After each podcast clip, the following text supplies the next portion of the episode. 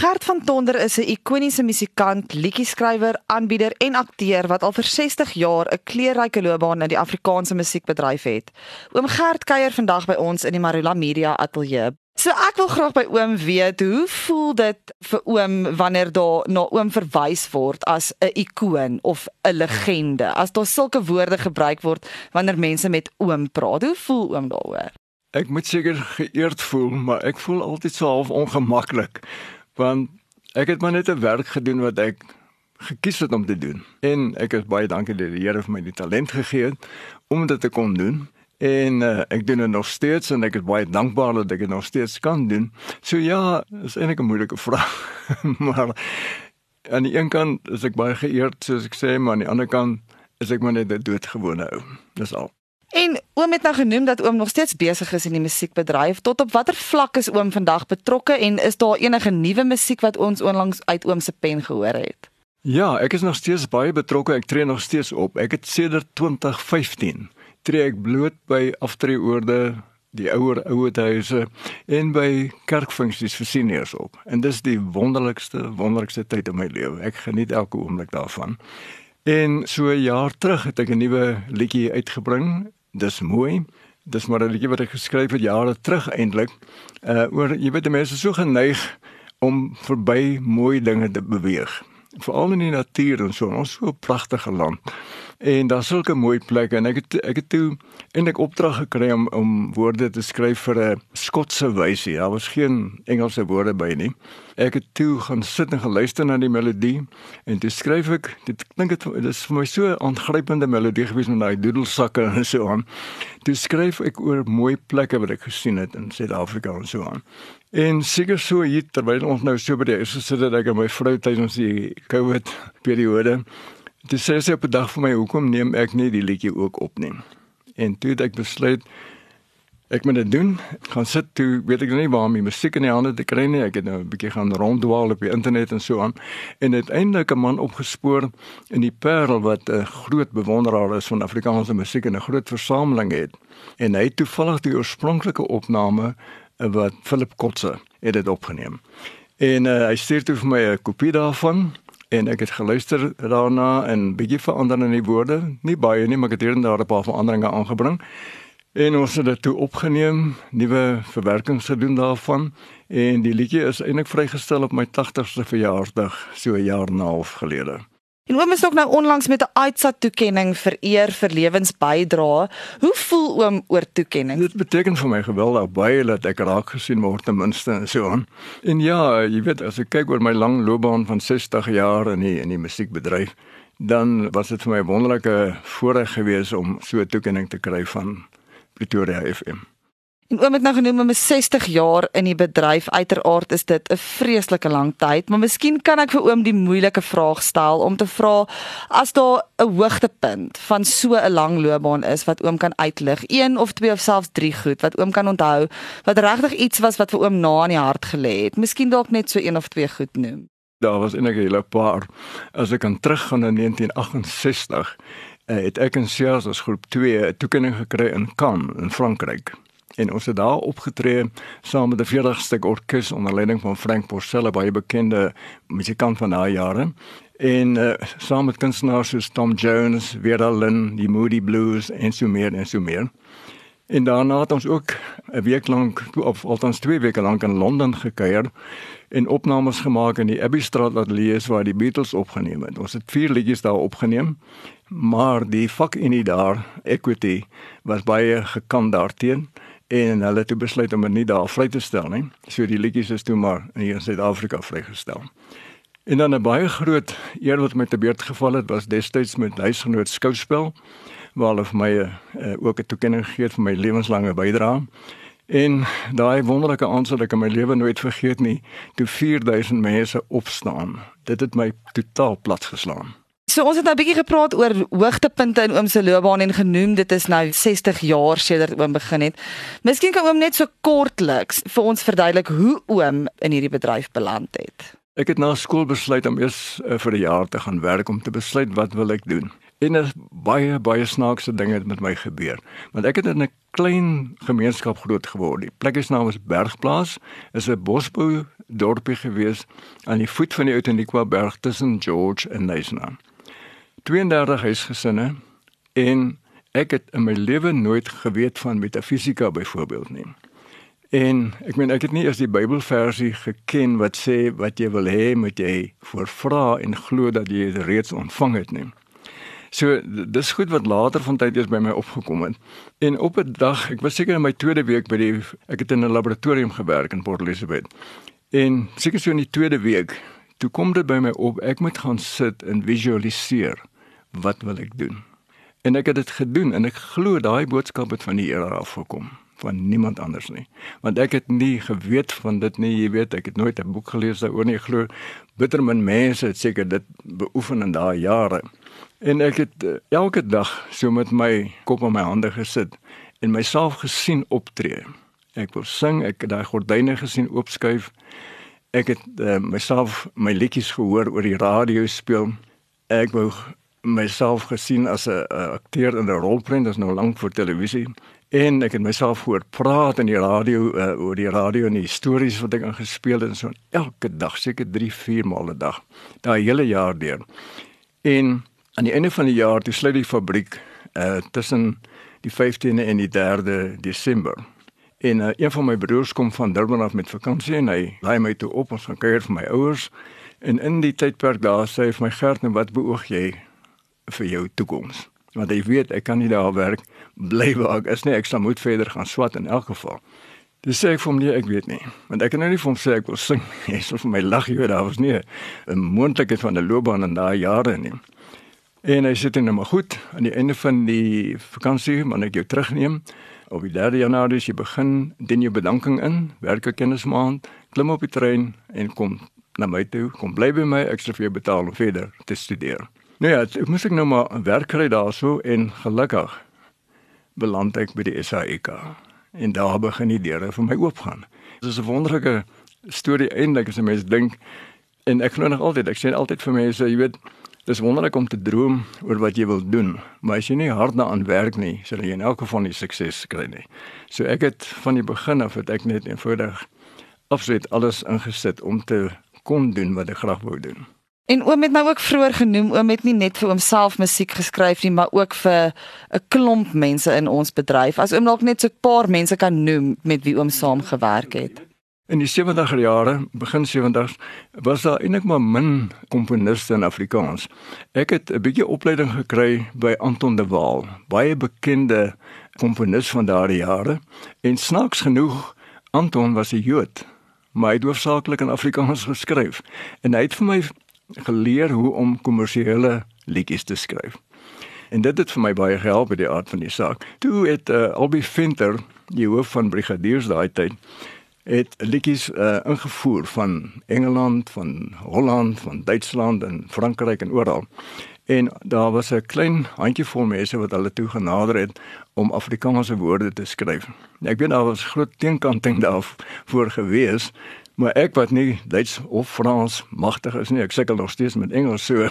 Jy weet, ek het maar 'n nuwe liriek geskryf vir daai bestaande liedjies. So het ek toe nou die geleentheid gekry vir Karika Kersenkamp te skryf, Rina Yego, ek het vir Andre Schwartz liedjie geskryf, ek reg onthou.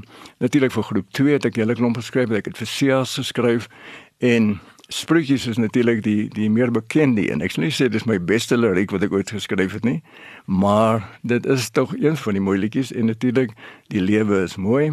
Ook een van my groot treffers gewees in daai jare. Jy het wel groot geword het, het ek teruggegaan seker 20 jaar nadat ek daar weg is Bergplaas. En dit was vir my 'n traumatiese oomblik toe ek daar kom en daar's niks nie. Al daardie huise is platgeslaan, jy weet, ek was self platgeslaan. En toe skryf ek 'n liedjie net 'n droom. En dit is ook heel waarskynlik een van my mooiste werke ooit. So terwyl oom nou so praat van die liedjies se name en die liedjies wat oom geskryf het en uiteraard is dit liedjies wat ons almal ken, is dit moontlik om vir oom te vra of daar 'n gunsteling is. Ek weet sproetjies is moontlik oor die algemeen meeste mense se gunsteling, maar wat is oom se gunsteling? My persoonlike gunsteling is 'n liedjie wat ek geskryf het, die verhaal van groep 2 eintlik al ons beste jare. Ek dink dis omdat dit eintlik die geskiedenis van groep 2 vertel in die liedjie en dis 'n baie mooi melodie, is ook 'n oorseese melodie wat ek Afrikaanse woorde voor geskryf het. En ja, en, en dit lê my net baie na in die hart. Ek dink daar's baie mense wat gesal wonder oor die verhouding tussen oom en oom Sias Reyneke van destyds.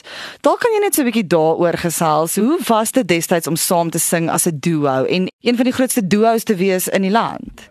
Ja, dit was 'n wonderlike tydperk gewees. Ek het in Durban 'n groep begin saam met twee kollegas Atinel en Johan Vyver. In 63 het Etsias vir 2 weke kom werk saam met 'n bekende radio-omroeper van daai tyd, Eric Egan. En hulle het uit 'n winkelvenster uit uitgesaai. En dan kon mense nou in die straat op die sypaadjie staan en kyk en luister na na die uitsendinge so aan.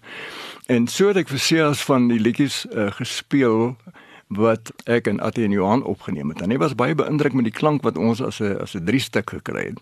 Toe sê hy vir my maar hy is eintlik 'n trekklavierspeler in 'n boereorkes. En as ons eendag bymekaar kom, dan moet ons probeer iets saam doen. En ek het toe besef, jy weet as ek nie Johannesburg toe gaan nie, dan sal daar niks van my sangloopbaan kom nie. Toe vra ek om 'n om 'n verplasing en ek kry dit toe. En toe ek in Johannesburg aankom, toe is as die enigste ou wat ek geken het eintlik. En so kuier ek toe een aand by hom, ek het my gitaar saamgeneem en ons het 'n paar liedjies saam gesing. En ons vriende het dadelik vir ons gesê maar julle het 'n besondere klank, jy weet julle moet eers daaromtrent doen. Nou ja, so die die storie het nou begin. Het ons elke dag saam geoefen het so tussen 1 en 2. Later dan het ons 'n uh, gehoor gehad dat ons kom luister het en later dan so het ons toe nou ook uh, begin optredes kry en so en ja. En ek en selfs 'n baie goeie verhouding gehad in die eerste klompe jare, maar daar was ook 'n paar tye wat 'n bietjie ongemaklik was. Mansias het reeds in 68 nadat ons teruggekom het van Kan af, het ons 11 weke getoer saam met die Gunter Kalman koor, baie bekende Duitse koor wat hy getoer het. En na die toer het ek uh, so vir 'n week gaan kuier vir my broer in Port Elizabeth. En uh, ek uh, gaan koop die sonoggend die beeld van daai tyd was toe die sonoggrond geweest en op die voorblad staan groep 2 spot uit mekaar. en sê as dit nooit vir my daarin geken nie en dit is vir my nogal 'n hartseer oomblik. In die tussentyd het hy 'n groep gevorm saam met twee van die koorlede van die Gunter Kalman koor wat agtergebly het. Hulle het eintlik teruggegaan Duitsland toe en toe teruggekom. En hulle uh, begin toe 'n groep in die naam van die Trebellers. En na 'n jaar of so, ek het toe nou in sy tyd in sy plek uh, jong man gekry met naam van Eddie Troutman wat toe as 'n uh, lid aangekom het in groep 2. Maar na 'n jaar toe bel Albie Venter my op 'n dag en hy sê Sia sit in sy kantoor en sy groep het nie gewerk nie, glad nie. Hy sê in jou groep werk maar nie so goed as wat dit behoort te werk nie. Sal jy vir Sia terugneem? Dit sê ek goed, ek sal daaroor dink. Maar ek besef dit is al wat ek moet doen eintlik. Dit sê as teruggekom En ons grootste treffer wat ons toe opgeneem het was daar's niks soos ware liefde in 1970. En dit het goed gehou tot in met 79 en toe op 'n dag toe werk ek vir die pers daai tyd en ek kry die middag 'n kopie van die Vaderland koerant en ek sien op die voorblad jy met jou mandolientjie sing ons ooit weer saam. Dis 'n baie goeie vriend van ons, 'n joernalis wat die artikel geskryf het en sê as hy besluit hy wil solo gaan.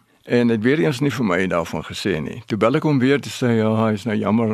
Hy het vir ek dink ek, ek nou vergeet wat die man se naam was wat die artikel geskryf het, hom gevra om 'n bietjie die artikel terug te hou totdat hy met my gepraat het. Maar dis ek sê as jy weet ek werk self hier so vir die pers en so 'n artikel verskyn nie sommer dieselfde dag wat dit geskryf is nie. Hy het genoeg tyd gehad en ek maar nou ja, ek het hom dit gegee. En toe het ek natuurlik ook die geleentheid gekry om sproetjies vir hom te skryf waarmee hy baie groot sukses gehad het. En selfs uh, dan 'n winner het dit opgeneem. En onlangs praat ek met Boet Pretorius wat natuurlik die produksie gehanteer het. Dis sê vir my net vir my sê want sy het wou eintlik nie sproetjies opgeneem het nie. Hy het gesê nee, wat ek vir hulle die woorde van die dag in die ateljee waar hulle besig was om op te neem.